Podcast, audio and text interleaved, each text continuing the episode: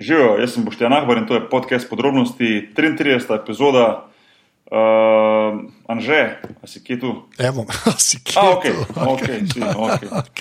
V redu. Mogoče malo spremeniti neki drugi. Ja, ja, se to, switch it up, pa to. Okay. Switch it up, ja. What, what, what, what, what? Okay, What, sorry. what, moram, na vsake, na vsake tri Ja. epizode moram to reči, se mi zdi. Moraš, moraš, Ja. moraš, to je zdaj že stavnica. Kaj, kaj, kaj noga, kaj? Ampak ni, ni Karkoli. nič novega. Vse ok.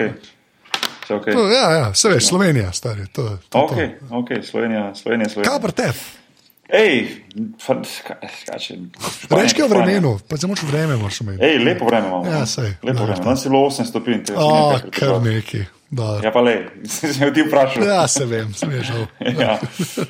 Um, v glavnem, uh, danes je, kaj se reče, 33. epizoda, uh, prejšnja epizoda, 32. je bila z Boštjanom Videmškom, um, Glasilcem dobrih novic. glasil, glasilec dobrih novic in novinar dela, ki potuje po svetu in poroča iz križnih žarišč. Um, ogromno dobrih novic je bilo, v narekovajih dobrih. Um, tako da, ja, um, dober, dober podcast. Um, hvala vsem, ki, ki komentirate uh, prek uh, Twitterja ali pa iTunesa ali pa prek Facebooka, kakorkoli že.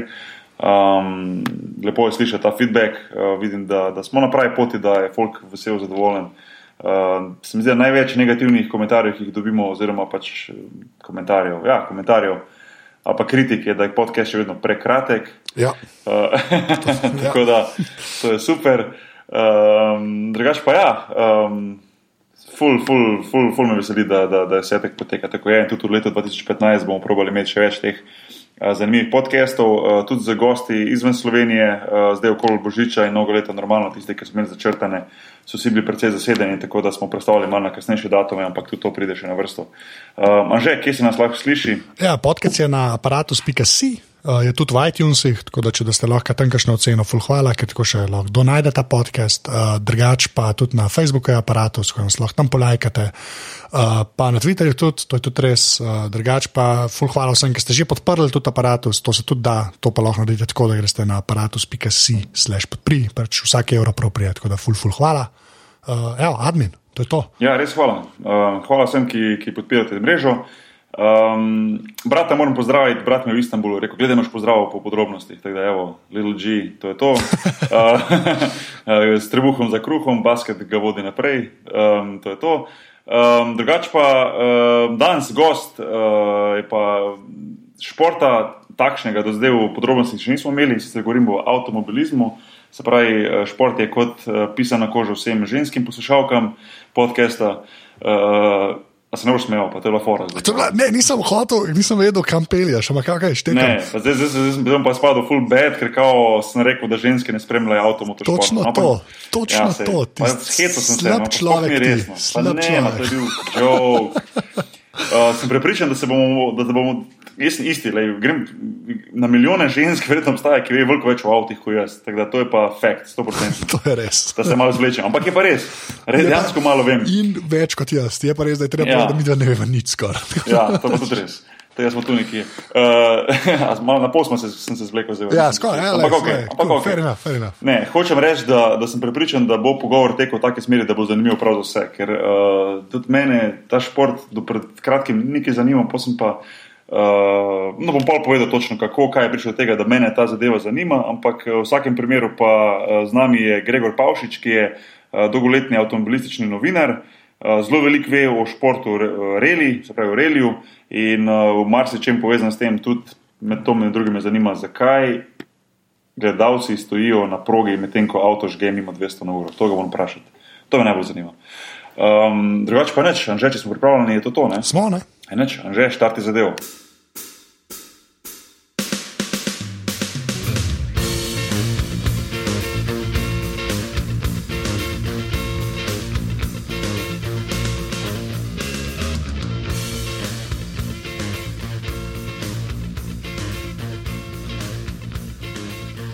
Okay, zdaj, preden uh, začnemo govoriti z, z našim gostom, bi jaz prvo razložil, zakaj je sploh prišlo do tega, da, oziroma kako je jaz prišel do tega, da, da, me, da me zanimajo ti avto, motošporti. Jaz v bistvu dolgo časa sploh nisem uh, spremljal, um, dobe, oziroma kot otrok nisem nekaj spremljal, razen kar uh, sem nekaj malega gledal Formulo 1, potem sem začel Formulo 1, ko sem bil malo starejši, tam 15, 16, 20 let, sem gledal, sem gledal malo mal bolj, vedno bil fan. Uh, ne vem, uh, Kultart uh, je bil moj, moj najljubši, pa, pa Hakinen, pa Pa, um, pa tako Šumacher, nikoli nisem preveč maral, pač nisem bil eden tistih uh, klasičnih fenov, ki so bili šumi, šumi. To, to, ta star, jaz sem isti bil, McLaren ja. Forever, stari. McLaren to, forever. to, to, McLaren to, Forever. To, um, to. Nikoli, nikoli nisem bil eden tistih, nikoli ne pozabil. Enkrat je bila ena oddaja, ne vem, bil Pop TV Slovenija, kar koli pa so imeli Folko studio in so šli tek malo pogledalci sprašovati neki sred Formule 1, je bilo predodajal po oddaji, pa so rekli, no, kdo je pa tebi najljubši, pa je rekel, bil je nek štajec, pa je rekel,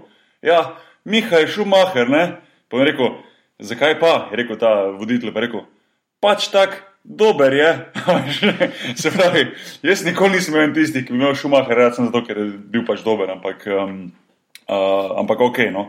Um, potem sem pa lani med sezono imeli možnost v Barceloni iti gledati Formulo 1 v živo. Dobili smo neke karte in to uh, tudi nad samim, tisti pedok, kako oni rečejo, se pravi, nad boksi gor.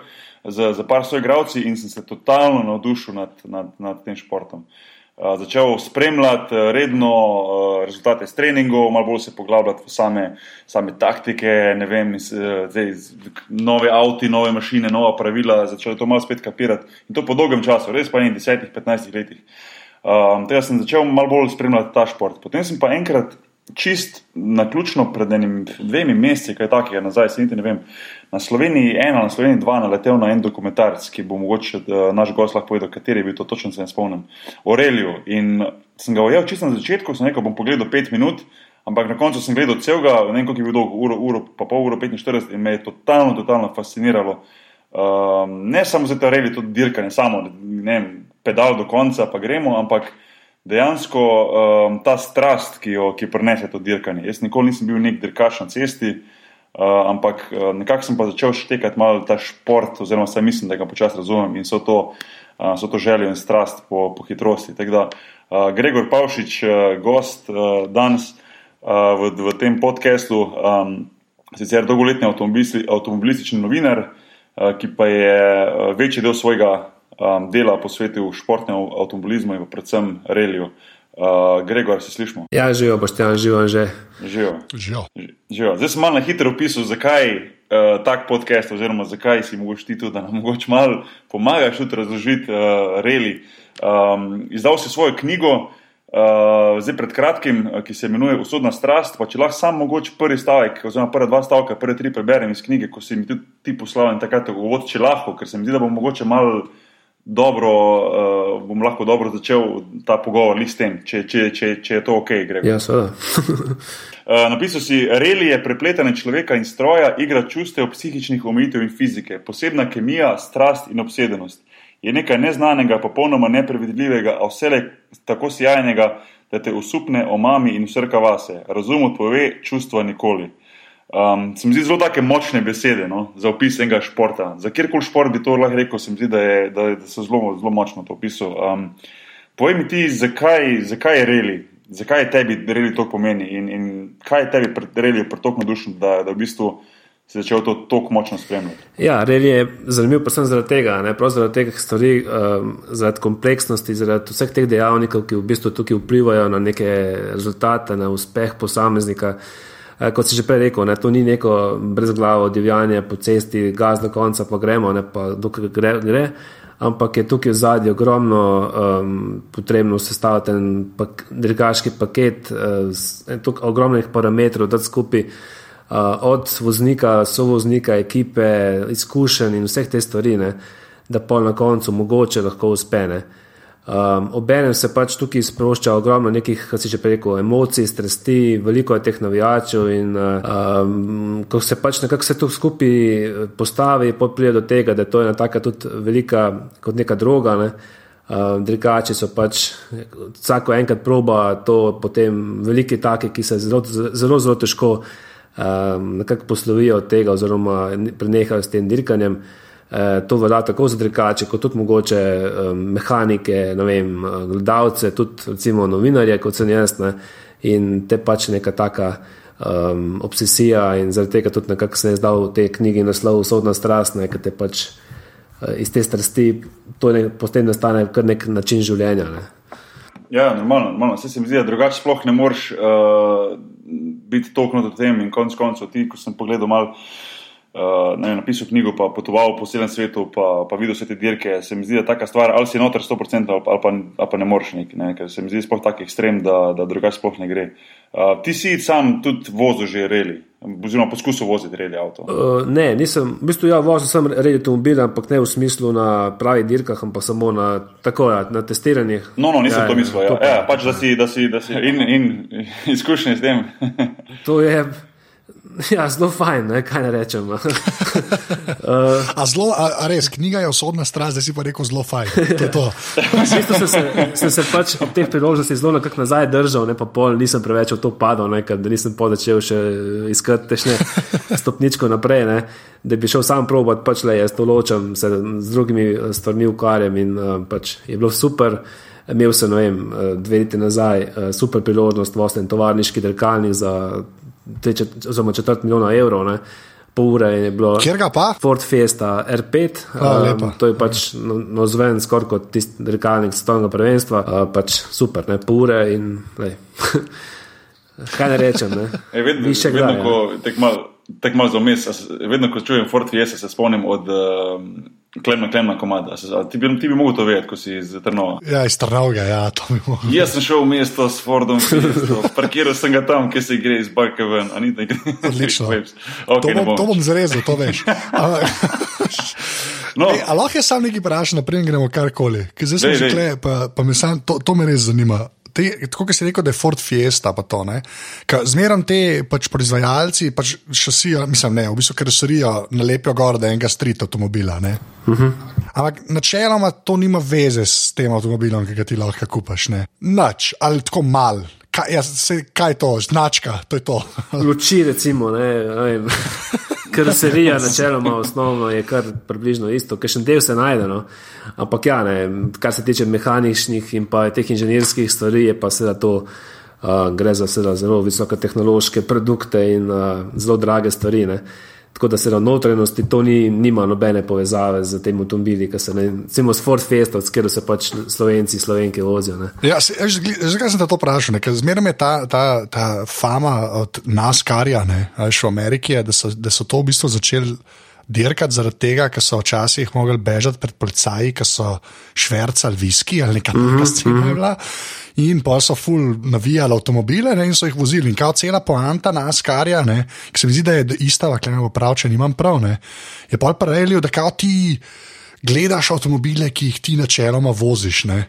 Ampak se mi zdi, da se je pri obeh teh dveh športih to razvilo v eno čisto svojo smer, kjer res to nima več veze s temi ne, cestnimi avtomobili, oziroma civi, za civiliste avtomobili. Ne. Ja, še zmeraj je pa recimo vem, razlika. Primer, vem, Formula 1, če gledaš Formula 1, ne vem, um, zmaga ne vem, nek dirkalnik, ki ima noter motor enega proizvajalca, ampak nekako se tudi potem, ne vem, mogoče kupci teže s tem poistovetijo z avtomobilom, ki ga mogoče lahko potem v ponedeljek kupijo. Ne. V Relju je večkrat veljalo, ne, da pač zmagaš v nedeljo, ne, potem pa to, to pre- prenese prodajo v ponedeljek, ne, ker je v bistvu pa še zmeraj gre za zelo neposredno povezavo med dirkalnikom in pa recimo serijskim avtomobilom, vsaj v nas vena. Ne. Ja. Zdaj, recimo, že sem rekel, cena ne vem, nekega dirkalnika, tega kasneje vozi, je bila 250 tisoč evrov, tisti VRC stane še trikrat, dvakrat toliko, recimo trikrat toliko. Ampak zak, zakaj pa? Ne, se, nočem tako biti dušen, ampak veš, kaj mislim, se- to je še zmeraj nekaj, kar se po cestah pele. Ker pri formuli nekako razumem, da je v bistvu narobe obrnen avion. a ne. Ja, ja. Ja, če je res. dobro. A veš, zaradi krilc pa to, ne. Ampak Cena ni realna. ne. Zdaj, če, bi, če bi dal ne vem, te sestavne dele teh dirkalnikov na, ne vem, na, en, na, eno, na en proizvodni trak, po ceno njihovo vrednost, tu ne preži take številke. Ne. Ampak tle zdaj je seveda ogromno razvoja, ogromno testiranj. In pač, Aha, ja. tudi so to take vi- visokoserijske eh, proizvode, kot recimo serijska Fiesta, ki jih prodajo pač, vem, v 100 tisočih, tukaj pa prodajo mogoče vem, par deset, par sto mogoče, ne, a veš avtomobilov in tudi zaradi tega pa to tako draže. Ne. Pač to je neka ekskluzivna sredina, ki pač ne more tako avtomobil se vsak kupiti in to je pač šlej. Ne, se s to ta del češtekam. Sem tako, kam je, pač, slišal sem je veliko, veš, vse je, no, ki štekam pa ja, da je to, ki jih je toliko malo narejenih, pa presledan za vsako stvar, imajo nek material, za katerega še nisem slišal. Pač, Zato da ne razpade, Ja, ja. ne, več ali manj. Ampak, ok, pa, pa lej, tako, zdaj pa to proper vprašanje, ne. Uh, kako se je sploh začel rejali? Ja, red je pač se razvil nekako postopoma, oziroma evolucijsko. Nekak, ne. Recimo, vem, prve dirke so bile že v prejšnjem, oziroma pred več kot stoletji. Ne. Ampak to so bile seveda s takratnimi avtomobili, predvsem nekako tu- turistične vožnje, oziroma vožnje od točke A do točke B. Ne. Po nekih, v nekem časovnem obdobju, imel si pač neko um, časovno obdobje, ko si lahko pač priti do, te, do cilja. Ne. Potem pa so pač postopoma, ne, avtomobili so postajali vse bolj zanesljivi, vse hitrejši in so potem dodajali na te dolge etape tudi umestne odseke na zaprtih cestah, kjer so pač imeli čas. Ne.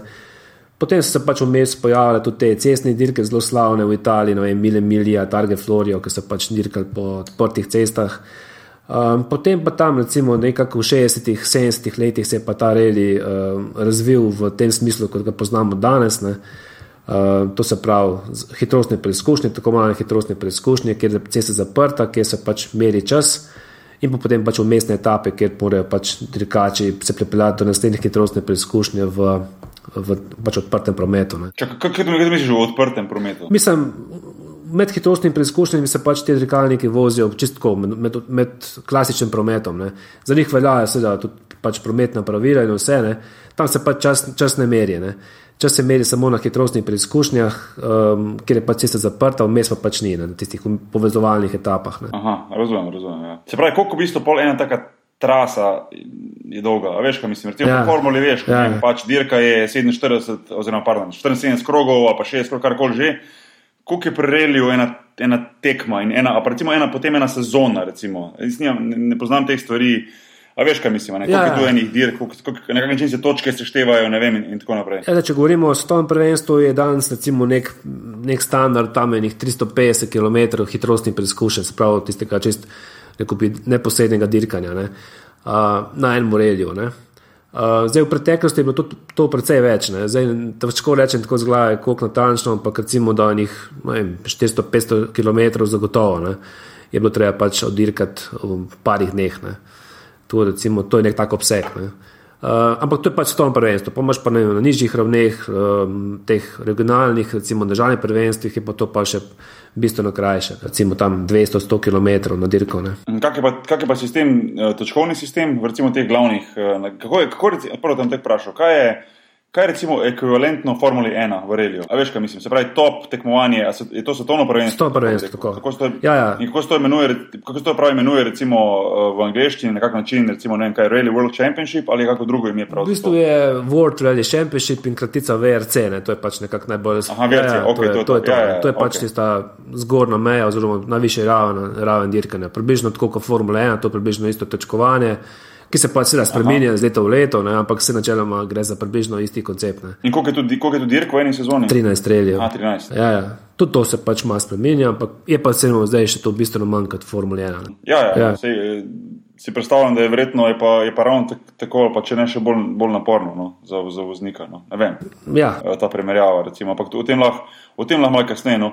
Um, hotel sem te to vprašati. Um, prej, prej, prej si že malo omenil, da, da reli ni dirkanje, samo, z samo dirkanje z avtomobilom, ono, mm -hmm. pedal to the metal, mm -hmm. pa gremo na polno. Mm -hmm. Ampak je dejansko tu zadnji res veliko več. Se pravi, ekipa, priprava na to, ne vem, mehaniki, uh, menedžeri, ne vem, voznik, normalno sovoznik. Um, kaj tu za sabo vse potegne, da na koncu nekdo zmaga na, na recimo te top reli dirke? Kako izgleda recimo cela priprava? Pa ne mislim samo cela priprava na dan tekmovanja, ampak dejansko mesece pred samim tekmovanjem, kako to, kako to izgleda, to, ta, ta, ta, ta celotna priprava na, na, na ta top level uh, reli. ja seveda začne se vem, par, par tednov prej. Ne. Recimo na eni strani um, mehaniki oziroma ta tehnična ekipa pripravlja dirkalnik, ne, v bistvu doma v domači delavnici ga- oziroma pač teh prostorih ga seveda posebej razdrejo, čistijo in pač pripravijo, pregledajo vsak vijak. Ne.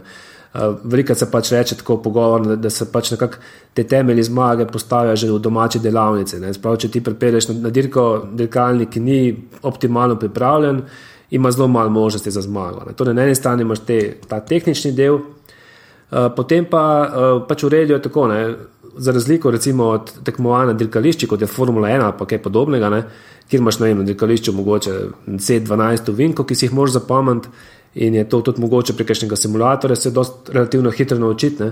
Imaš pač v redu, kot sem prej rekel, 300-400 km hitrostni preizkušen, sicer en manjši del se tudi kaj ponavlja, ampak v bistvu skor, vsako vinke je drug. Ne. Oziroma, noben ovink ni enak drugemu. In um, vozniki so vozniki, imate pač seveda na voljo tako imenovan ogled proge, kjer lahko pač se seveda z, z serijskim avtomobilom nekaj dni pred reljem zapeljete po teh hitrostnih, po vseh hitrostnih preizkušnjah in pri tem pri zelo majhnih hitrosti naredite, naredite tako imenovan radar. To so pač oznake za vsako vink posebej, za vsako ravnico, za vsak skok, za vsako, za, za vsako past. In rekel bi, potem s tem radarjem, oziroma s temi napotki, potem so voznik na pravi dirki pere dirkača od štarta do cilja. Ne. In recimo pri teh zapiskih tukaj pač napake ne sme biti, ne, ker, ker veš, recimo na tem nivoju potem tako, ne, če so voznik reče, potem na pravi dirki, ne, levo, ovink bo šel v levo, dirkač zavije v levo, tudi če on vidi ovink v desno. Ne. In to, to gre, pač za, to gre no. pač, to, to, ja, to gre za popolno zaupanje. Ne. To se je tudi dogajalo, recimo, um, tudi na tem najvišjem nivoju, take napake. Mogoče ne jih ta levo, desno, to je mogoče zelo skrajna primerjava, ampak recimo stopnja ovinka, ne, ko je pač sovoznik pomotoma rekel, da je ovink pač precej hiter, pa ni bil in je pač dirkač za te ven pač na, na full. Tukaj, pač ni, tukaj gre za popolno zaupanje med voznikom in sovoznikom, ker pač v nasprotnem primeru ne more biti funkcioniranje, v nasprotnem primeru ne more biti hitra in eh, to je pač predpogoj tega. Ne. In sprav, če na tem, na tem treningu, v tem ogledu proge, naredite napako, si na, na, eno vinek, eno malenkost na robe zapišete, mogoče tukaj spregledate, je potem to na dirki naj, največkrat pomeni pač napako, odstop, nesrečo vsaj izgubo časa, v najboljšem primeru. Ne. Tako da tam se začne. Sam kaj, kaj pa poveš, vse je okay, levo, desno, kaj pa je pa ta stopna, je še kaj ali je to to? Uh, ja, to je zdaj zelo odvisno od, od, od drikačev. Načeloma gre pač levo, desno, potem stopnja ovinka, torej koliko je ovinek oster, koliko je zaprt. Uh, potem se tudi recimo pove z kakšnimi plusi, minusi, ali se ovink zapre, um, ali je možno iz ovinka že pospeševati, potem sledi kakšna ravnica da se pa čim več, ovink, eh, čim več hitrosti prenese iz ovinka na ravnino. Eh, potem pa ne vem, ali, ali se lahko malo krade ovinka, veš, malo zapeleš lahko z avtomobilom že izven ceste ven na notranji strani, malo skrajšaš si pot. Tako da, seveda, čim več podrobnosti, tem boljš, ne? ampak seveda ne sme biti preveč, mora biti pač to, da je lahko voznik eh, tudi to nekako v glavi absorbira med tistimi visokimi hitrosti. Ne? Ja, se to, ne, to, to jaz, jaz sem pač enkrat užival videl, pač nek reli ki sem bil tam. Kje si bil živo, živo gledal? Uh, ne, klep pri nas so eni vozili, mislim, pri nas v Sloveniji, pa sem bil, pa sem pač to videl. To je res hiter, jaz no. zdaj sklepam, da te, ki so vrcajo. Ja, to je še malo hitreje. Ja, ja da je še malo hitreje. Ampak hočem hoč reči, da to, to je bolano hiter. Ne. In zdaj, če si že una dva govorita, ne, pa tam moraš šaltati, pa obračati volan. Ne. Mislim, Vse, vse voznike, po mojem, bolj kot ne tiho, samo poslušajo. ne, se, ne, se to ja, ampak veš, kaj hoče reči. Mislim, meni je, meni je bolj to fascinantno, da, da sploh, da, mislim, da jaz, je sploh važno, da on vidi na cesto, voznik. Realno gledam, se vem, da je, ampak načeloma ne. A veš, če mu on sam pove, zdaj to, zdaj je to, ne. Jaz ne vem, koliko je unik 3 milisekunde, ki za me zašalta, pa volano brne, koliko tam res se zgodi. Ne? Ali je tam noter tisti, ki so pa ta boljši, pa ta slabši. Ja, je, je treba videti na cesto. to je res. Ampak veš, kaj hoče reči. Mislim, vem, da ni tako simpel, ampak veš, tako res mi je. Mislim, to je res hitro, res ne. Jaz, na TV on kol ne zgleda tako hitro, kot zgleda živo. Ja, to pa. To pa. Jaz, jaz, jaz, reli, jaz, jaz nisem gledal, gledal sem, ko sem rekel, sem gledal formulo in to ti moram povedati. Mislim, to, to je težko opisati. Na televiziji sploh ne dobiš niti približno feelinga, niti 10% ne dobiš tega feelinga. Ja, ja to, to, jaz mislim, da sta to dva športa, ki če jih ne ja. vidiš v živo, je dosti pointless. No. In to so mi vsi govorili, ko so že zdaj gledali, pač kakršen koli eh, drekalni šport v živo, so rekli, ima v živo čez nekaj drugega. Pa sem si mislil, ja, ok, si brzina je brzina. Ampak ko ti dejansko vidiš vozilo, ki gre mimo tebe, ki je eno sekundo 200 metrov na levi čez par sekund je pa 500 metrov na desni, Ja, ja, še le doživiš tisto, tisto pravo brzino. Se No. to sam meni, men to recimo prejeli, bolj impresiven zgleda, ker tako kaj pregre, rekel, se tako pele Ford Fiesta. To, zato je meni to, to mislim, meni v bistvu mi je bolj kul, cool, mi je rejali zaradi tega. Se ta povezava z te, temi pač ta pravimi avtomobili za civiliste, ne, se mi zdi, da da neko komponento, kle, ki jo mogoče kakšen drug tak uh, avtošport nima. Ne. Saj meni, no, tako bom rekel. Sigurno, ne, sigurno se strinjam. Mislim, jaz, jaz te gledam na to isto. Ja, da je, to, je nekaj čar v tem, da, da, da, je, da so ti avtomobili, ki jih ti, ti prepoznaš. Mm -hmm. Pa ne, jaz, kot ti, mislim, jaz tebe pomeni, Gregor ti itek, ampak mislim. Dejansko, ko pogledaš reili dirko, vidiš tam, ne vem, Honda, pa vidiš, uh, ne, bom, ne vem, kje je, tako se rekel, Ford, pa mislim, take avto, ki se ti zdijo pač malo polepljeni in to je to, z nalepkami pa sponzorji, ampak Ja. Uh, vem, da je veliko več pri tem, ampak ja, to, to se mi zdi, da nekako še približa človeka bolj, bolj k temu. No. Saj, če gledam tako malo bolj z distance to. Plus le bi jaz dodal, ne, to, kar, kar kar sta prej rekla, ne, to, ta doživetje dirke v živo. Ne, um, še ena ta je velika recimo, razlika v reliju. Ne, ti recimo greš na Formula 1, greš na neko dirkališče, si pač na neki tribuni, ne vem, par deset metrov stran, lepo za ograjo, veš, ono, ne vem, sednič v roki na lepo na neki klopci, ne, na sedežu. V, v reliju si pa dobesedno en meter stran. Ne, um, ne sicer, ne Ja, sicer super. vedno, ne? ampak se tudi tukaj, seveda, valjda, gledaš na nekem varnem mestu, pa so te cone za gledalce, nekako, poskušajo biti na nekakšni varni distanci. Ampak vseeno, pa, če imaš malo sreče, lahko tudi daj, doživiš ta, ta reli res iz metra, pol metra oddaljenosti. Ne? Recimo, jaz se spomnim, ne vem. Pa zdaj ti ne vem točno, ker je bil, mislim, na Finska, Poljska, ko sem pač bil na neki notranji strani enega ovinka ne, in pač preletel en avto mimo, ne vem, zihar, blizu 200 na uro, počest na, na cesti, a veš. Res pol metra od noge mimo, ne, ali pa meter, ne. A veš, in um, polka čutiš, ne, tisti piš um, vetra, peska in vsega skupaj, ne. To je pač to, kar ti nobena televizija nikoli ne more dati, ne. In to je pač, zato jaz sem pač vedno prav, Ne še, ne še, Ne ne še, še ja, sam okej. tehnologija Ja, napreduje. ja. Tehnologija napreduje. Tam že čez nekaj cajta, še, še par deset let. Ja, Eno letnico damo ven, pa bo. Ne, ne, ne ampak ne, razumem, vem, kaj misliš, Grega, no, vem, kaj Ja. misliš povedati. Veš, kaj sem to vprašal? Če? A Veš, kaj, pač jaz, jaz kot spremljam, spremljam bolj pač prek TV ali pa na netu, ki veš, pač, kdo je zmagal, to še nekaj, veš, Sebastian Ljub, pač to vem, ne, v življenju. Ampak, veš, kaj me zanima, ker tam je neka razlika, ne, ker tudi te vse Ford Fieste niso iste, ne, ker tam ne ta- ali vrcajo dirkajo samo te ljudje, ki so official, pač od Forda, pa od Peugeota, pa to, ampak ni tam tako, ne vem, se sta dva Peugeota, pa je pa en. Ta Peugeot, ki zmaguje, pa je pa še en model, ki tudi tekmuje, pa nikoli ne zmaga, ampak je tudi v Peugeotu, pa je drugač polepo. drugač ne znamo vprašati.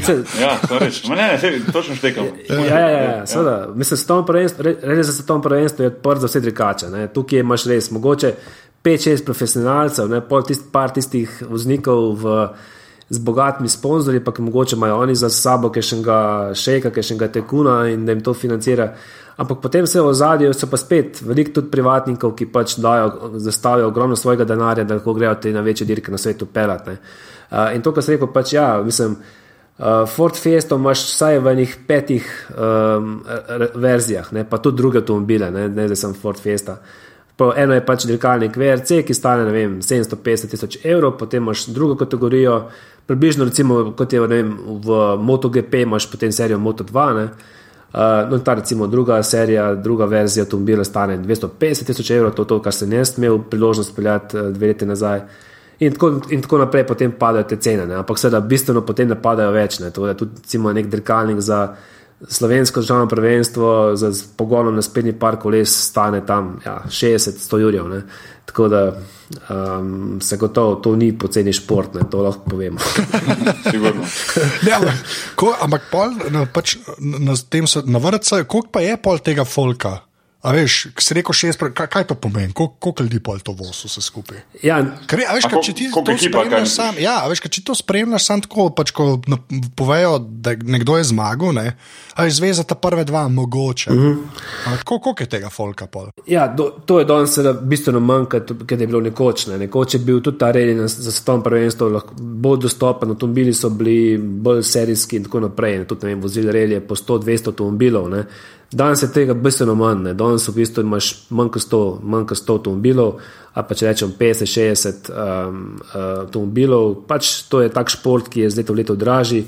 tudi nastop na takih dirkah je izredno drag. Ne, in, um, v bistvu se kar malo teh privatnikov, malo entuzijastov um, lahko pač privošči take podvige, a pa mogoče grejo enkrat, dvakrat, več pa pol pač se raj posvetijo manjšim dirkam. Uh, to množičnost je pač bolj prisotna na teh nižjih ravneh uh, relja. Tem, ko tam prvenstvo, so pa zelo drage dirke, tudi avtomobil predvsej poškoduješ na teh makadamskih reljih in pač le.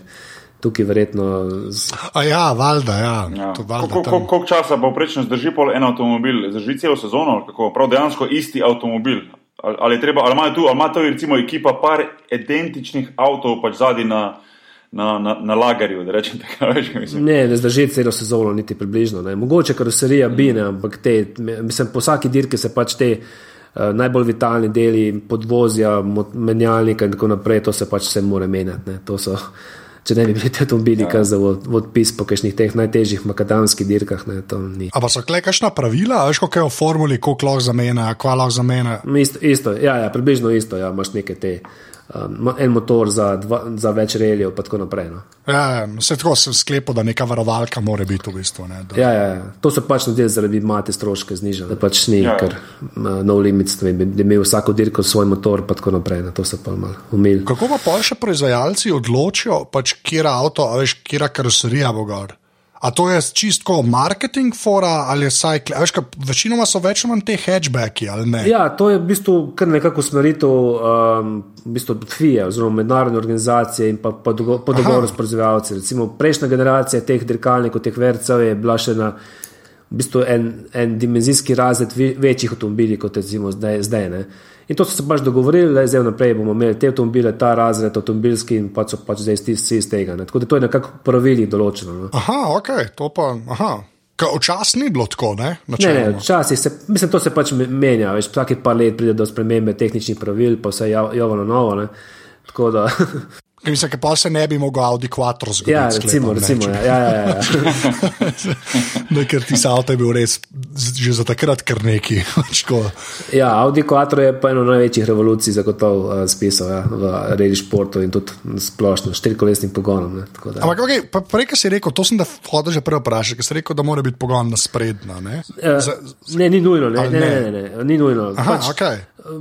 Tisti najdražji avtomobili recimo, imajo 4x4, ne, medtem ko večina avtomobilov, ki vozijo v relju po svetu, so pa pač pogon na sprednji par kolesne. Uh, to je to, samo to sem hotel reči. A Ja, okay, Eh. sem mislil, da ne, ampak, ampak ne bi bilo kle boljš v zadnji med. Zdaj jaz kar nekaj govorim zdaj, ampak meni se ful bolj prav sliši, da bi a ni tako, da v zadnji lahko polorit ven vržeš lažje, kot če imaš. Ja, zlata, zlata leta relija pred 30-40 leti so bili prav s takim avtomobili, z zadnjim pogonom. ne. Ja. Uh, Žal, žal danes avtom- uh, avtomobi- mislim, proizvajalci ne delajo več takih avtomobilov serijsko. Ne? Tako da danes imajo vsi serijski avtomobili skoraj pogon na sprednji par koles, zelo malo teh z pogonom na zadnji, zadnji par. Ne? V teh razredih, recimo, ki prihajajo potem dirkalnike ven. Ja, se to je. Uh, tako da to je tudi pač s tem povezano, z avtomobilsko re- revolucijo, oziroma evolucijo. In, um, Vse mogoče boste pa zdaj bo Benfal z enko v letu, veš pa Mercedes za klaso, Ja, ja, ki sta ja, oba ja. dva hatchbacka, pa bo mir. Tako BV kot Mercedes so bolj druge serije trenutno usmerjeni, da nemški DTM, pa to je bil ta fancy dirkanje po dirkališčih, ki jih bolj zanima. Ja, Pa toka pa to. Po ne. blatu Ja, in ja. tako naprej. Ja, ja, ja. Mercedes se mi zdi preveč fin, da bi ga videl blatnega, ki se tam po. Ja. Tak, tak, tak imam tak feeling. Ampak ne. No. Ja, samo oni imajo, ja, ta, sem ta DTM je pa tudi ful popularen tam v Nemčiji, načeloma. Mislim, to ljudje dejansko gledajo. Ne? Zelo, zelo. Mislim, v Nemčiji je recimo DTM bistveno bolj prepoznaven v javnosti kot recimo tom prvenstvu, ker isto, recimo Volkswagen je zdaj bil dve leti nepremagan. Ne? Uh -huh. Ampak pač Nemci večinoma poznajo D Formula 1 in potem DTM. Ne? In pač to je povezano tudi z mediji, z DT, pač DTM je v Nemčiji medijsko zelo dobro podprt in uh, pač zelo priljubljena serija. Ne? Ja, to je, to je svem samo zato, ker sem igral Kolina Makreja, pa toko.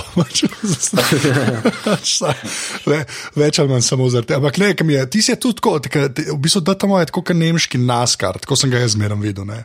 Že Spet, ta, ja, ne, res, samo Ja. yeah. pač imajo celo vinke. Ne, pač ni. Vsi imajo v neskarju tudi ovinke, mislim, ovinek, ki, ja, ki gre skozi. Čeprav je NASCAR, vsaj recimo v Evropi, zelo pocenjena dirkaška serija. Ne? Ker recimo, um, jaz sem imel enkrat pač priložnost to videti v živo in se tudi pač sicer perat po, po valu z enim avtomobilom, sicer nisem jaz vozil, ampak sem bil pač zraven, pa nobenega nikjer ni bilo na dirkališču. Ne? Pa je bilo kar zanimivo. Ne? In sem si točno takrat predstavljal, če bi bilo zdaj pa tle okoli tega avtomobila še vem, 50 e, identičnih avtomobilov, ne? bi bilo kar napeto. Ne? In Pač, tam gre isto za detajle, za iskanje naj, najmanjših podrobnosti, da pač potem se tistemu valu najhitrejši. Ne? In Ja. Je isto. Ne? Ampak to je drug, drug pristop do dirka, dirkanja. Ne? V Evropi imaš zelo to tehnično um, zakomplicirano, zakomplicirana pravila, v Ameriki pa pač simpel, enaki avtomobili, dva ovinka in sem pač le. Ki to. zmaga, tiste bo- tiste najboljše. Ne? Ker tam imajo tisto šablono, ki mora biti tudi upor, ne? zračen upor, mora biti na vseh isti. Ne? Tisti avtomobili dejansko Ja, ja, ja, ja. laž vsi isto izgledajo. Pa je pa eden še Ja. več, zato ima značko od spredaj. Pač tako, Ja, ja. Več ali manj. Ja, vsaka pride, ko se vse na tribuno razume, zakaj se gre. Ne. V Evropi je pa, a pa pač karkoli druge, je pa recimo en mulajku. Pravila v reliju blazno težko razložiti. Ne. To je res, to je nikoli konca, fu se pogosto spremenjajo, so fu zakomplicirane in to je pač en problem v reliju. Se to je te vsi evropski športi, mislim, da so. Ja, ja, Razen ja, futbola, mogoče, ja. futbol je pa kontra. Je pa v Ameriki najbolj komplicirana stvar v zgodovini človeštva. Ja, pa ja. je Ne. država. Ne, to, to, to smo reči, da jaz, jaz neskar je pa res, mi je pa tukaj, parka sem ga pomenil za pet minut gledal po televiziji, pa sem rekel, to je pa najbolj monotona zdaj. Pa te razumem, kaj misliš povedati, Gregor. Jaz, edino, edino, kadarkoli, edino, kadarkoli sem gledal neskar oziroma neki povezavi s tem, dlje kot eno uro je bilo po mojem, ko sem gledal uni, kaj je avto, avtomobili, kaj je, strela McQueen pa tisto. to je edino, ker sem zraven tam malih gledal, drugače drugo pa ne. ne vem. Čeprav v neskar je ena voznica, a ni ful dobro. Ja, ta danica, Danica, ja. neki, danica neki. Ja, ja. Kaj je pa, kaj pa v reliju s tem, ja, v reliju recimo z ženske. Uh, ja, ne vem, mislim, ni, nekega razloga ni, da jih je tako malo. No?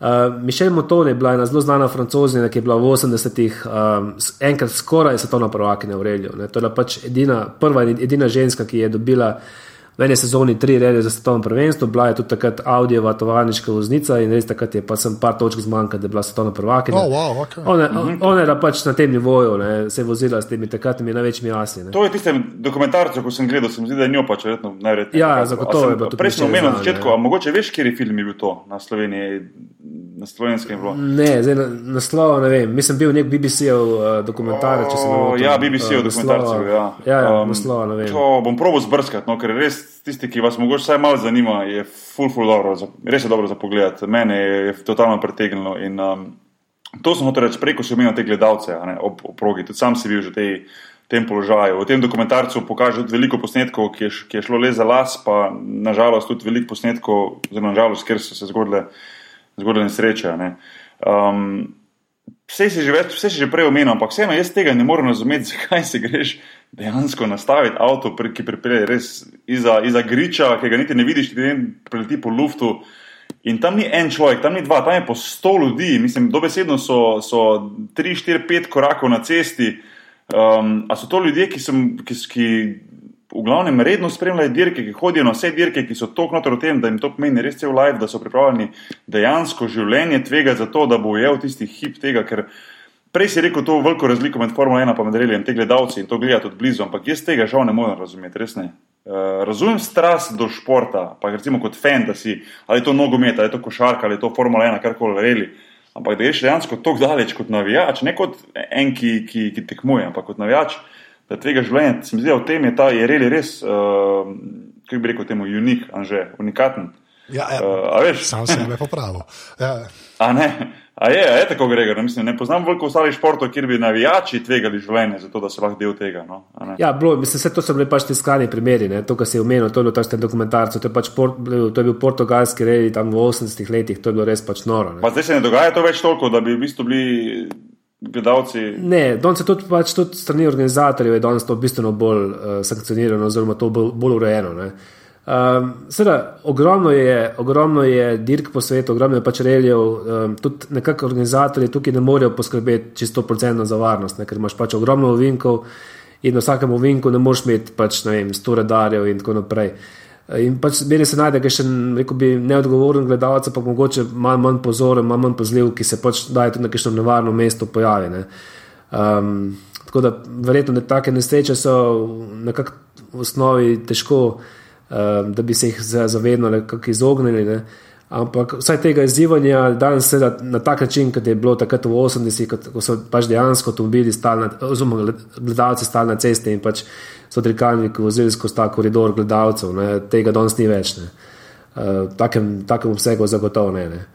In tudi moram reči, da se ti, recimo, če greš na, na reli, ni, ni veliko, da bi lahko iz te neposredne bližine, kot sem prej rekel, ne, en meter stran, nekako varno spremljal um, reli. Ne. Da imaš pač srečo, da mogoče stojiš na neki notranji stanovinka, ker je pač varno, pa da avtomobil res mimo prepele zelo blizu tebe, ne, ampak pač moš tudi mogoče izbrati tak, tak, tako mesto. Ne. In se pač, um, seveda, nekako, uh, to mora reči, ne, da se vsak najboljši redar za vsakega posameznika je on sam, ne, pač najbolj mora on sam zase poskrbeti, potem šele pač prije ta uradna varnost. Jaz, če bom šel gledati reli, me, bo, me boste najdeli tam na vrhu griča, tam gledam dol. ja, Najdel sem, kako se imenuje dokumentalce, imenuje se reli in potem pod naslov Leta smrti, se pravi zelo prikupen naslov. Uh, ampak no, ni, ni, ni, ni, ni bil dokumentar samo o tem, ampak je bilo pa veliko o tem, ravno v teh letih, ko se je govorilo, ne vem, 700, 800, uh, veliko nesreč, uh -huh. veliko tega. Je, ne zato, da bi zdaj govorili, kako je slab reli kot šport in kako se, se odmakne od njega, ampak jih so pravili tudi razložiti to, kar probaš ti razložiti. To strast, pa to ljubezen tega športa. No. Ker sem imel pa recimo naslov poglavja v tem, v tem obdobju v knjigi, je bil pa koridor smrti, ne? tako da je bilo zelo nekakšen kontekst. Pa vse vsi te športi so bili tako, takrat se tako je bilo zelo nahojla driv vse skupne. Se tudi Formula 1, če gledaš, ne, tudi Formula, ja. 80, ja, ja, to je bilo brez, to je, so bili norci, pač realno gledano. Tudi, tudi Formula sem gledal, ja, pred časom, lih v tem istem času, ker me je to pritegnilo, ta, ta, ta dokumentarci o te hitrosti pa v tem. In je bilo, tako se rekel, podobno. Mislim, eno za drugo, nekaj je bilo v enem vikendu, kako je bilo en vikend ali, ali dveh delkrat zapora, da so bili kar po par mrtvih, pa take, mislim, tekmovalcev, ne, voznikov. Ja, ja, vse je to, ker so pač imeli neke avtomobile, pa pojmo hitro. Pa, pa... Pa gremo, pa ni bilo, pa ni bilo še toliko omejitev, veš, samo da gre čim hitreje, čim hitreje. Pozabi varnost, jebeš varnost, je bilo, veš, ja, gremo ja. še hitreje, še hitreje. Mislim... Pač takrat je tudi veš, to presnetlo, ta razvoj in popularnosti in tehnike, tudi presnetlo vse te odgovorne organizacije in tako naprej. To v redu je bilo isto, takrat pač, vsi so se pač požvižgali na to varnost. Ampak naenkrat so pač začeli proizvajalci delati take dirkalnike, ki so pač supnili ljudi, jih ful privabili in takrat je pač po, po, po, po popularnosti redi tudi, ne vem, ogrozil Formula 1 in tako dalje. In pač to je bila taka masa ljudi, ki je prišla na te dirke tak, in še skupaj z, ne, z nekim tem portugalskim in tem južnim temperamentom ne, in pač je bil potem taka mešanca. Ne. Za, za take nesreče. Ne. Ampak, katere države pa so najbolj v tem, katerih državah je reli najbolj popularne? Uh, Ja. In, in, in, in, in kje je Slovenija tu, recimo, tek, no, kje pa, recimo, kje pa recimo, recimo, ne vem, Formula 1, se ve, v katerih državah je bolj, v katerih državah Formula 1 sploh ne poznajo. Mm -hmm. Ne skar, veš, recimo, ne vem, Amerika in tako naprej. In pa je konc. ja, tako, tako. Kaj je rekel, DTV, kaj je DTM, kaj je v Nemčiji? DTM, ja, ja recimo, Deutsche Touring. Ja, kaj pa reli, recimo, kje pa se reli tu? Ja, reli, recimo, no, okay, v Sloveniji ni nacionalni šport. Ne, ja, ja, no. bil je pač, bil je recimo, ne vem. V Reli, Reli je bil v Sloveniji tam 80 let, ko je bil razvoj Relija Saturnus. Recimo obisk gledalcev je bil, nad, je bil višji kot recimo uh, skok v planici, uh, kar si je pač danes težko predstavljati. Ne? Ampak takrat je bilo to popularno v Sloveniji, pa je to pač padlo. Uh, zdaj se to ne merilo, pa ne vem. Recimo Finska je tak, taka država, kjer je avtošport v vseh oblikah nek nacionalni šport, ne? od Formule 1 do Relija. Uh, imajo pač ogromno zanimivih cest, imajo ogromno, ogromno uspešnih dirkačev v zgodovini. Uh, pa, pa pač ne vem, mislim, da je to kar dosti klasično. Ne vem, Nemčija, Anglija, Francija so zelo uspešni posamezniki, ki tam prihajajo. Uh, potem imaš pa na drugi strani, pa recimo vem, južnoameriške države. Um, tudi recimo zdaj, če si daj pogledal, kakšno reportažo z Relja Dakar, koliko ljudi to spremlja, s kakšnim zanosom ti ljudje to gledajo, ne? to je pač neponovljivo. Ne? Tudi, zdaj, pač, Mene je bil vedno, vedno en najljubših uh, reljev, ki sem ga pač imel priložnost tudi živo spremljati oziroma obiskati, bila dirka v Argentini. Uh, ravno zaradi tega, pač, ker dol niso, dol je pač res milijon gledalcev ob, ob hitrostnih preizkušnjah, ampak ti ljudje niso navijali samo za unga ta prvega, ne, za, za svetovnega prvaka, ki je bil dejansko najboljši ampak so z enako vnemo navijali za odporega do zadnjega. Ne, Zbrav, za vem, takrat Loeba, svetovnega prvaka, kot recimo tudi vem, Slovenci, takrat Andrej Rep je vozil v Argentini. Na, na isti način. Ne. Oni so bili pač čist notor, so padli in uh, pravim transu to spremljali. Tako da težko je zdaj reči, da veš, kje država je tle najbolj, ne, ampak zagotovo ta. Ta um, zanos ljudi je bil dol res neponovljiv. No, Ampak, kje država izstopa potem, ko je dala vrhunskih voznikov, relja, Ali je tudi razporejeno, tako se je omenil zdaj? Finci, ne mogoče, da ne Finci. Res, Finci? Ja, Finci Ja, ja, so itak. tukaj. Ja, ja, ja. Jaz bi rekel, kakšen Angleži, prej mislim, da bi rekel Angleži. Kje, Vatanen and Company, stari, teh Fincov je bilo to, da je, ja, itak. Ja. Tega to pa še jaz svet res. ko pa res šele zdaj, zdaj ful zgleda, da so vsi francozi zadnjih par let, ampak načeloma. Ja, zdaj, ampak sta samo dva francoza, ne, ki sta nepremagana že 11 Ja, let. se to, ja, se to. Ampak ja, to pa, to pa Finci pa, ja, kar forever. Kle, Mhm. uh -huh. Ja, ja. Čeprav zdaj oni malo izgubljajo ta primat. No. Oni so bili pač v preteklosti zelo, zelo uspešni, imeli so veliko teh uh, različnih svetovnih, svetovnih prvakov, uh, zdaj so pa malo izgubili, no. njih ni. Čakamo zdaj nekega novega Finca, ki bi prišel.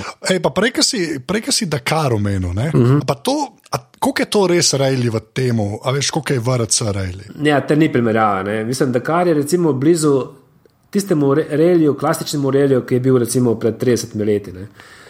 A to je dolar. Ja, to je ne. meni meni je to všeč. ne. Eh, Reli, klasični reli pred 30 leti je bil to, ne. je bila avantura, bili so pač izjemno dolge dirke, po, poanta ni bila samo hitrost, ampak tudi pač vzdržljivost, taktika in to recimo je danes Dakar. Ne.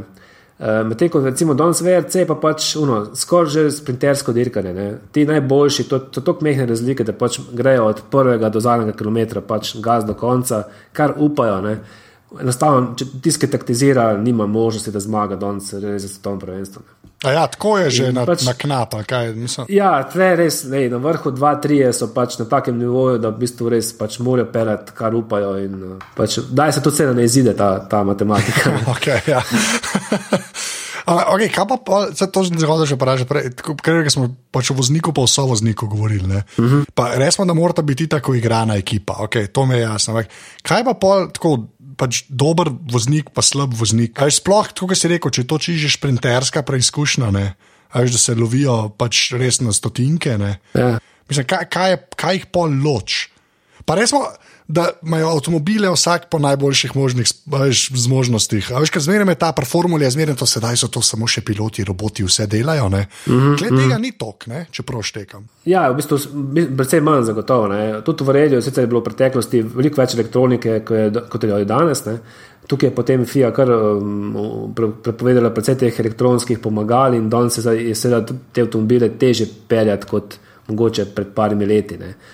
Um, zdaj pa kaj naredi razliko? Ja, lej, mislim, ki naredi manj, manj napak, ne. tudi ne vem, svetovni prvak. Uh, ki, ki je bil recimo lani, predlani, kadarkoli, nobenega relija ni odpeljal 100% idealno, ne. to pač ni možno.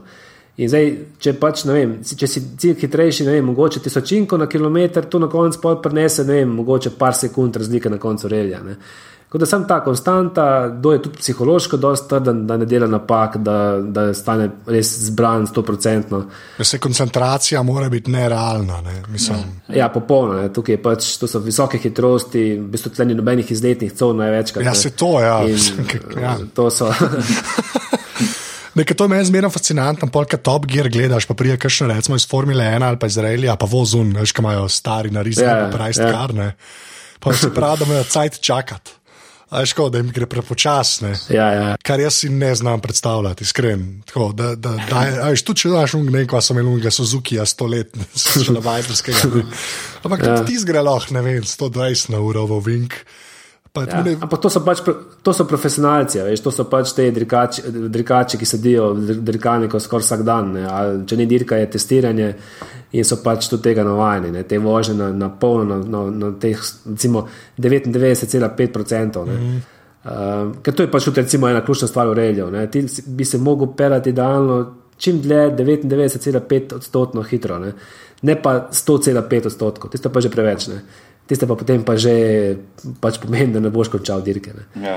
Ker pač tisti, ki pa ne konča, pa ni nikoli zmagovalec. Ne. Torej, nič ti ne pomaga, če si vem, par hitrostnih preizkušenj, najhitrejši, pa če zmeri moš končati. Ne. To je glavna, glavna, uh, glavni cilj. Ne. Ja, pa se to tudi malo drži, pač ta napredek, ne nazaj sklepam, da avtomobile še zmeraj delajo, da morajo zdržati. Ne, pa kot sem prej rekel, če mora ena mašina več relijo zdržati, ne, uh Mhm. -huh. da ni šlo že v uno, kot se je pri formuli zgodilo par let nazaj, ki so bile potrošna roba praktično vsak avto. Ja, sigurno. To so dirkalniki, ki so pač narejeni, da, da zdržijo celo dirko. Ja, seveda. Jaz bi se sam za, za sekundu še malo nazaj vrnil, prej, ko smo govorili o sovozniku. In me samo to zanima, na kateri točki se tisti, sovoznik, odloči, da on ne bo imel karijere kot voznik in gre v kariero kot sovoznik. Ker se mi zdi, da to moš imeti, to moš imeti neverjetno strašansko zaupanje v tistega, ki, vo, ki, ki vozi. No. Mislim, to je, v bistvu ti je njegovo življenje skozi, praktično dobesedno skozi v, v njegovih rokah. A- Ali ne? Pa noben te ne pozna. Pa doben te ne, pa, pa doben te ne pozna. Ja, ja.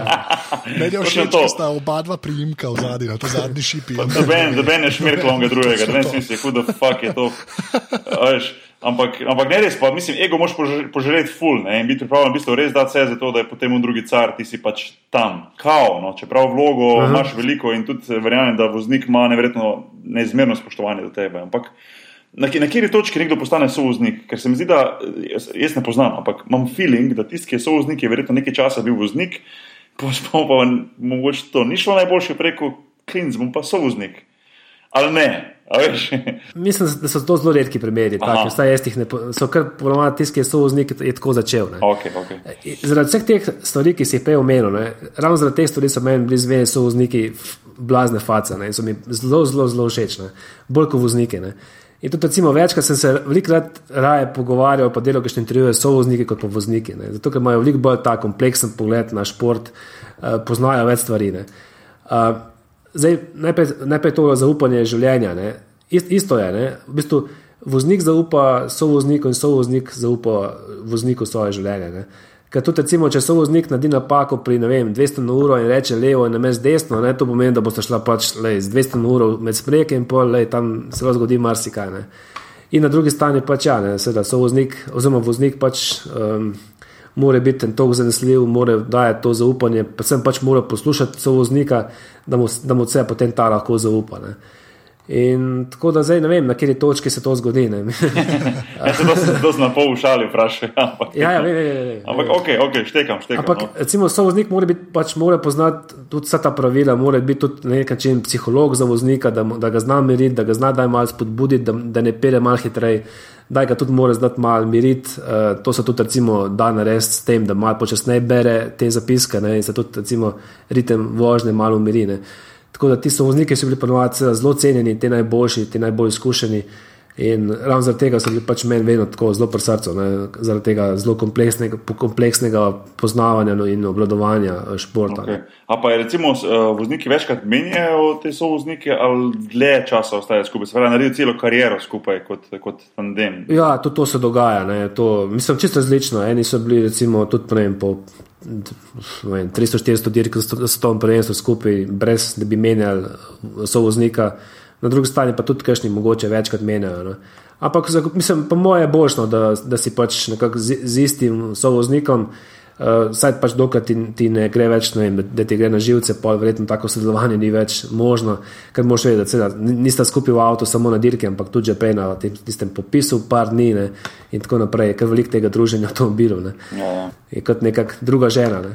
Se to? Ja, se to mora biti zajeban odnos, ne? mislim, načelno. Ja, ja, ja. To je- Pač mora biti kompatibilna. Ne, in, Si predstavljam, da je dosti izga, ko en zamenja, pa gre k drugemu vozniku, pa poleče, stari, zunaj sem bil dve leti, znoro sem skoraj z njim.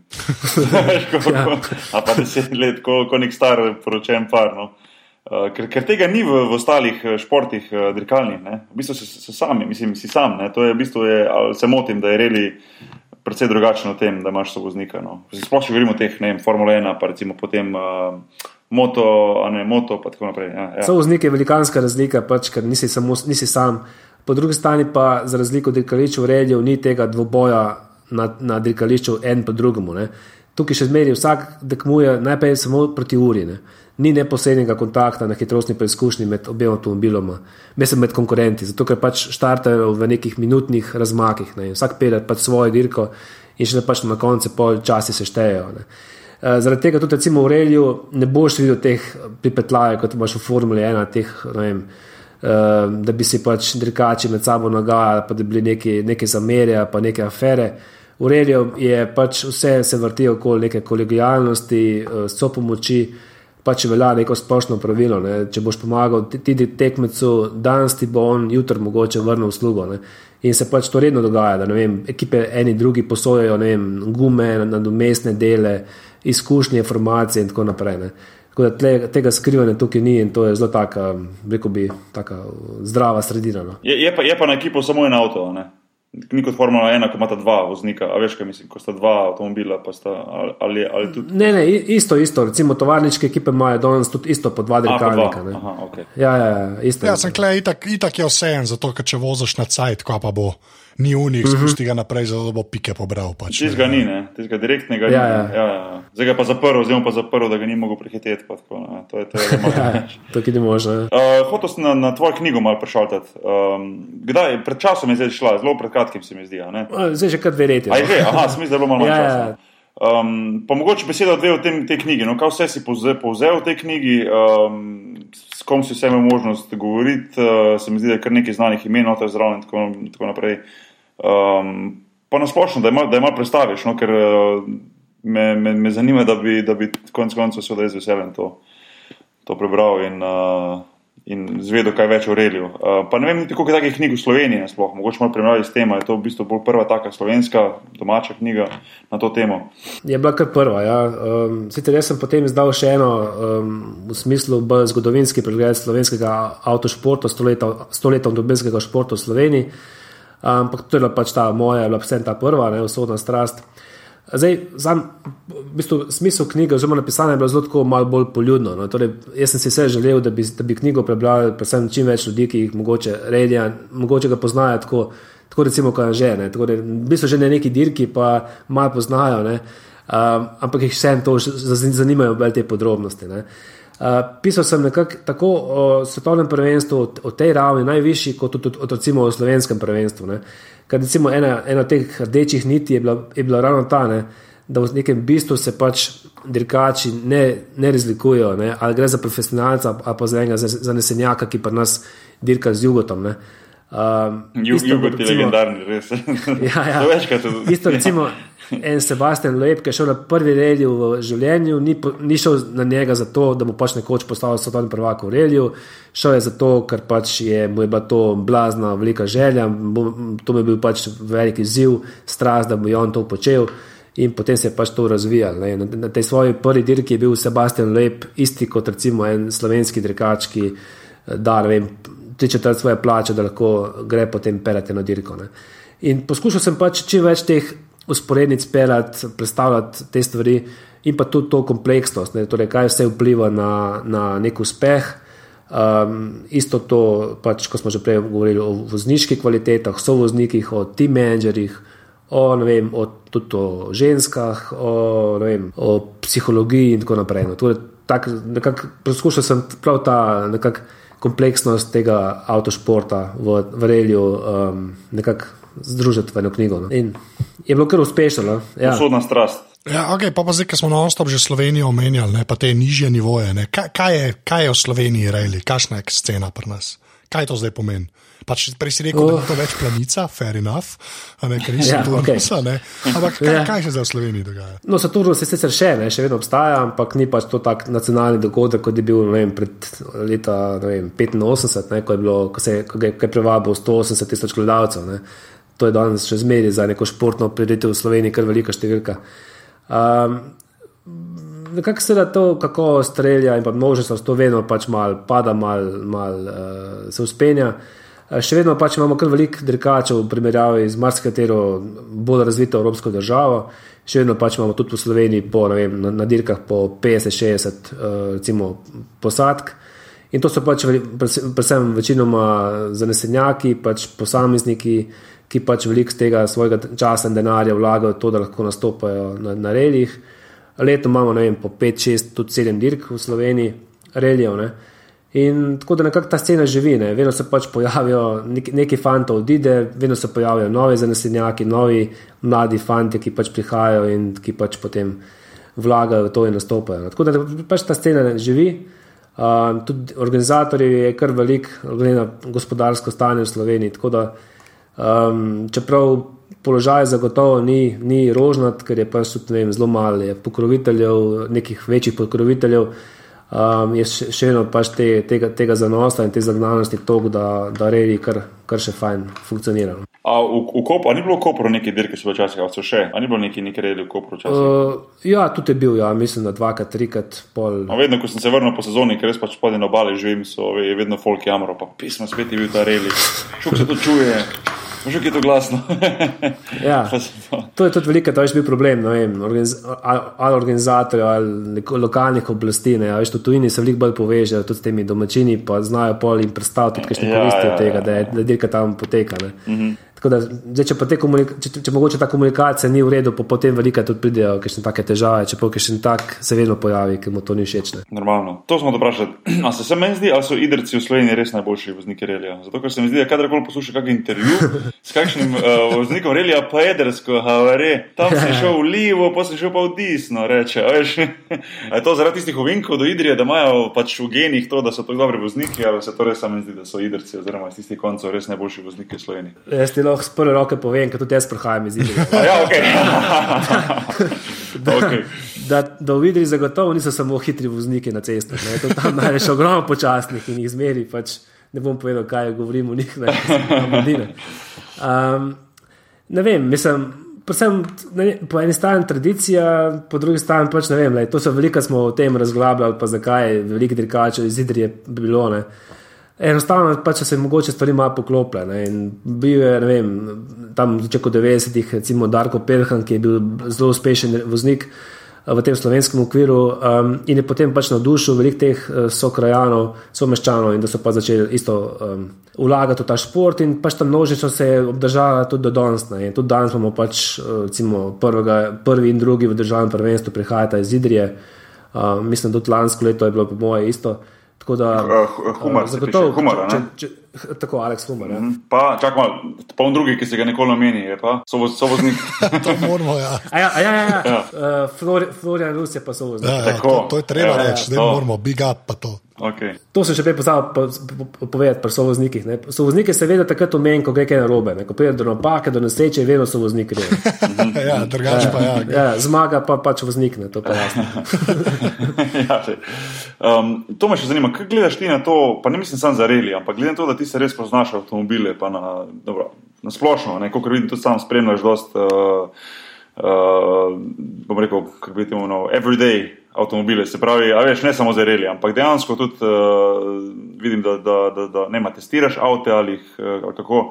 Ja, jaz sem pač avtomobilski novinar že deset let, oziroma več. Um, Kaj gledaš ti na to spremembo, na, na te spremembe, ko so v bistvu avtomobili sami vedno bolj res elektronski um, postaje? Jaz sem imel pred, pred par meseci možnost, ko smo bili z, z ekipo na enem potovanju, um, sprobati uh, v sklopu pač nekaj turnirja, so imeli te sponzorske avto in so imeli, uh, je bil ta Tesla, a veš, um, uh -huh. ti smo del, uh -huh. ko bolj športno zgleda, jo, kako se že imenuje, S ali kaj že. Ja, S, S ja. ja. In sem se vozil v njem. Sem vozil, ja, sem se vozil v njem. Jaz moram reči, da to je bil pa, na, to je bil pa najbolj, za mene vsaj, najbolj cool feeling ever, res. Vozil si se v avtu in sploh ne, se, sploh ne čutiš, da se premikaš. A veš, tako tiho, tako mirno, sploh ker ni mašine. Ne, uh -huh. Udobno, sicer ne najbolj za dvometraša za mene, ne, ne bi se nič pritoževal, uh -huh. če bi bilo malo več placa, pa sedeži so bili malo trdi, se mi zdi, da je bilo malo tek res tek bolj športno, športno narejeno. Uh, ampak tisti, ne vem, tisti digitalni monitor na sredini avta, na, na, na maturi, maturi, ja, uh -huh. in v bistvu brez, mislim, ne čuješ, ne čuješ avtomobila, to mi se mi najbolj fascinantno. Smo šli, avto potegne full, ne, ne vem, koliko je, koliko je pospeško, pa vsega tega, kar se niti ne spoznava na to. Ampak, uh mhm. -huh. ne, a si sprovo, ti si imel možnost voziti Teslo, mogoče. Ja, sicer en krajši, krajši test imel Tesla. Ja. Pač to je sigurno en najbolj vročih avtomobilov, pač električni motor. Uh, močan električni motor in pač vse te zakonitosti, ki prihajajo z električnimi motorji. Ne. To je ta zelo hiter pospešek, hiter navor, ki ga dobiš ki ga pač tudi noben benzinski in dizelski motor ne more dati. Ne. Ja, se to, se to. Ja. Uh, tako da jaz sem, jaz sem velik, velik privrženec električnih avtomobilov, ker pač um, sicer imajo danes še te umitve in tako naprej, ampak mislim, da dolgoročno upam, pač, da bo prišlo do tega, da bomo vsi vozili take avto. Ja. Ker tudi iz tega, veš, danes obstaja ta neka. Um, rekel bi, gledane, ja, pa vse je fajn, če avtor potane, pa veš, univejo se na ameriški motorje, to je super. Ma svoj čar, ne, ma svoj čar. Ne, ja. Lej, se bomo pač pozabili mogoče na te zvoke, ampak pa sem vozne lastnosti so pa pri letiščnih avtomobilih res super. Ne. Tako da, sploh pri teh manj močnejših. Ne. Ja, sem dokler baterije spedenajo. Ja, ja, ja, ja. Ampak še, še to. Kar se pa tiče te samodejnosti vožnje, jaz sem bil pa, recimo, lehane, sem delal reportažo, nov Mercedes-Benz razred S, ne, To je pa danes v bistvu avtomobil, ki je nekako serijski in ki pa ti daje najbližji približek tega, da avto sam pere. Jaz sem se pač pel, recimo iz vrhnike do Ljubljane po avtocesti, s tem, da je avto pač sam pospeševal, zaviral in tudi volan pač levo, desno vrtel. Jaz sem imel res samo par, par popravkov vmes, pa pač je avto malo zgubil to orientacijo, ampak načeloma pa avto je pel sam. In To je pač nek prikaz, ne, kaj že danes mogoče tehnika um, omogoča. Kateri avto je bil to, oprosti, nisem slišal? Mercedes-Benz, razred S. To pač... In je imel prav že to, to, to, to novo tehnologijo, ker tem sem sam bral, nisem vedel, da to dejansko že može tudi. To pri nas testirati. V bistvu, to je še zmeraj asistenčni sistem, ki pač skrbi za to, da avto nekako pomaga k temu, da voznik ne zapere iz voznega posla. Ja, to, ja, ja. to se še zmeraj ne imenuje sistem samodejne vožnje. Ne? Ampak to pač je nek, kaže ne potencial, kaže neke zametke tega, kar bomo verjetno čez 20-30 let videli na cestah. Ne? Torej, avtomobile, ki bodo peljali na mesto voznika. Vsaj po, avto, vsaj po avtocesti. Preko si omenil te zvoke, jaz sem jih pred časom, pa sorry, da spet eh, formulo omenjam, ampak sem videl en full dober video, ko je v bistvu ti si stari, kaj so bili V12, kaj motori, pa zdaj primerjal s temi hibridnimi, ki jih imajo. Ja.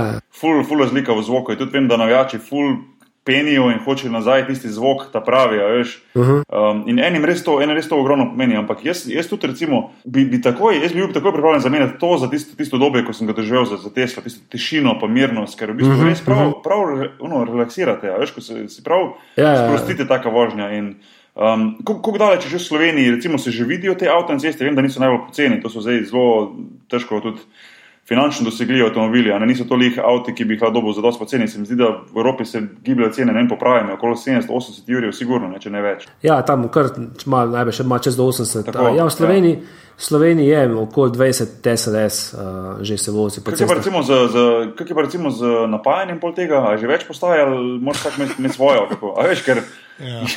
Mislim, kaj, kaj, kaj če ti je super kul cool avto, ki je elektronski, če v bistvu ti greš iz, iz Kopra do Ljubljana, pa nazaj, pa pol ti nekje tam pri postojni crkne avto.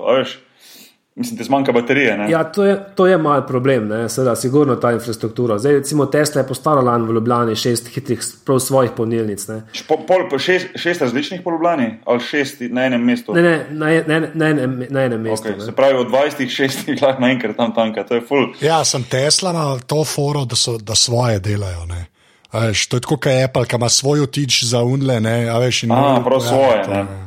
Ja, okay, okay. je, pa, je pa tako pri električnih avtomobilih, da v bistvu, tako, imaš danes vem, pametni, pametni telefon, ki moraš vedeti, da če greš na neko pot, če greš na teren nekaj delati, ga moš pej nafilati baterijo, ker če ti bo pač uh, zmanjka baterije na, na zunanjem, ne vem, mrazu, kar koli, danes pač telefoni ne zdržijo več kot en dan, baterija. Ja. In tako se pač tudi veš pri avtomobilu, se boš pač mogel navaditi, boš pač bil tem, da ga boš filal, kjer boš ostal. In... Ja, se pravi, te probleme, kot teh postaje, še ni zaenkrat toliko, da ja, boš res v bistvu pač... naprej si izračunati, ni kot črpalka, ko rečeš, ma ja, sej tam le itek je 14 ja, ur, ja, prda ja. bum, pa bom že šel tankat. Tu moraš dejansko naprej si splanirati cel dan, da veš. V bistvu ne cel dan, no, vse naredi prek 400 km, naredi ne, 450 km. Ja, ja, tako, tako. Kar ni malo. No. Ja, težko je to danes recimo za prvi avto, pa da samo to vozil. Recimo za tako, če pa živiš tukaj nekje blizu, blizu Ljubljana, pa tudi te manjše električ, električni avti lahko če zadostujejo, recimo, da ga mogoče vsak drugi dan nafilaš. Ja, ja. Doma. Ne, zato je sam pri nas res ne. Ja, smo imeli še to, kar različno. to sam pri nas funkcionira. Isto, ne vem, tudi v tujini, pa teh velikih metropolah, isto pač ne vem, možnost, če imaš, ne vem um, par, par, mogoče manj kot 100 km do službe, se vseeno, tudi električni avto opcija. Ne. No, ja, se neč ne rečem, sam ne, jaz ful, ful več upov polagam v vodik, ker pač ne vem. Te baterije. Ma jaz, pa, jaz, pa, jaz, pa, jaz pa mislim, da bi mogli enkrat, tehnologija je tako dobra, da sploh te baterije so problem. No, tudi, recimo, ne štekam najbolj, če zdaj govorimo o elektroniki na splošno, pismo 2014 je pa to, ko se vlaga energijo. A res ne morejo preko semena mobitele, Gregor, a res ne morejo recimo zrihtati baterije, da bi držala en teden, pa, pa da bi se vse hitreje filali. Zakaj ne? Ja, zakaj ne? Zakaj ne moš nafilati? Zakaj ne moš nafilati na, na, na, na, na, na teh tvojih Androidih, anže, pa na teh super hudih iPhonih baterijo? Zakaj ne morem nafilati v, v, v petih minutah? Zakaj treba eno uro čakati, pa dve. Pa se zdaj imaš te, ki jih filaš, ne vem. A pa deset sekund, zakaj ga ne mogu preklopiti? Bit, mislim, kdaj bomo to imeli? Kdaj? Fizika, fizika, boki, fizika. Ko bo interstellar možen takrat. Ja, ja takrat. Okay. Bo... letnico, hočem, letnico. Zdaj ti lahko rečem, 2075, da je važno. Takrat bomo že šli. Točno to. okay. Kako pa Black, Blackberry zdrži baterija, bo kot ne moreš uporabljati. Vrhunsko. En teden z lahkoto. Ja, Džano. Ste bi vprašal, kaj še ga drugega, pa menga ne poznamo. Ker nimam dve aplikacije, nič, pa že drži. Ja, se točno to je. Pa, un, pa črno-bel zaslan praktično. Ja, lej, da bom pošten, imam, imam, imam iPhone, ki smo ga pač dobo, se sem že omenil, se mi zdi in mi je, mi je res dober, je, no, všeč mi je kul. je.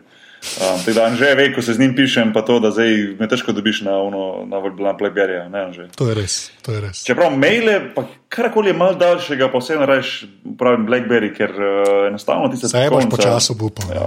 Počasi boš obupal, to vsi vemo. Ja, ja. Glavnem, evo, on that note. Ja. Uh, Gregor, ful hvala, no, za, Ja, ful za hvala. ta pogovor. Hvala, ker si poslušal dva analfabeta in znanje stvari. Ja. Dejansko je bilo to really for dummies, ampak uh, Ja. ful hvala. Jaz pač upam, da ko bom naslednjo knjigo spisal, da bo ta podcast še obstajal. Da, in to iz dveh razlogov. da Pač to, eno zato, da bo vse ta knjiga čim prej narejena, in tudi za drugo, zato, ker je pač podcast super, ker ga tudi jaz zelo rad poslušam. In, um, pač želim se obema, da bosta nadaljevala s tem delom. Mislim, da sta zelo fajn zastavila in še veliko fajn gostov vam želim. Se. Hva- Hvala, res hvala. Um, za tiste, ki vas zanima, usodna strast je knjiga. Um, sem prepričan, da se splača počekirati, tudi jaz imam na svoji listi. Um, Gregor, najlepša hvala. Um, Veliko veliko sem, se sem se naučil tako vedno po teh, po teh podcastih.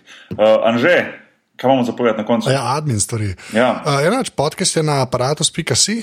Uh, tudi v iTunesih, tam kakšna ocena prav pride, tako da ful hvala. Vidim, da jih še kar dajete ljudje, tako da ful hvala. Hvala. Uh, Drugače smo tudi na Facebooku, zdaj sem se spomnil, odlično. Uh, pa, um, če pa imate šanso, lahko pa aparatus tudi podprete, to pa naredite tako, da greste na aparatus.si slash podpri, oziroma hvala vsem, ki ste to že naredili. Uh, Drugače pa Grega, ko si na Twitterju, to pove. Zelo enostavno, Gregor Pavsic, Afna, mislim, Ed Gregor Pavsic. Ja, to je ja, to. odlično. Ja. Evo, se splača, se splača followati, uh, velik, velik, velik zanimiv. Ja, pa sajt imaš ja, tudi. Ja, sajt ima, ampak je zelo, zelo slabem stanju, tako ampak vseeno obstaja in gore tudi link do knjige grp.si.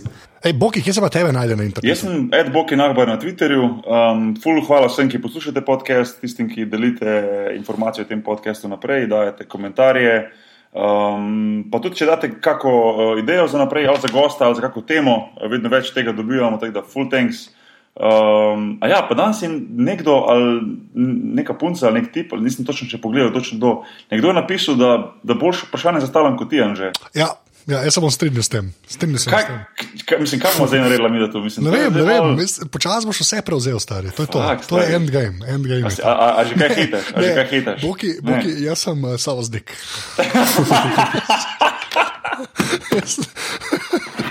Tako da, Se pravi, ko bo šlo kaj narobe, boš ti kriv. Ne? ja, ja, valjda. Ja. Pa ta prvič podcast, ja, no, ej, Pokale, pokale pa jaz pobiram. Pokale pa jaz pobiram. Ja, točno okay. to. Okay. To bo to. Najlepša hvala, Gregor. Anže, še kaj, ali smo zaključili? Hvala. Ja, ja, jaz sem na Twitterju Afnan Zeta, tako da me lahko Tako. tako držite. Ja, tako, Okej. Tako kot v zadnji, sozniki, pač sozniki. Car, Nihče.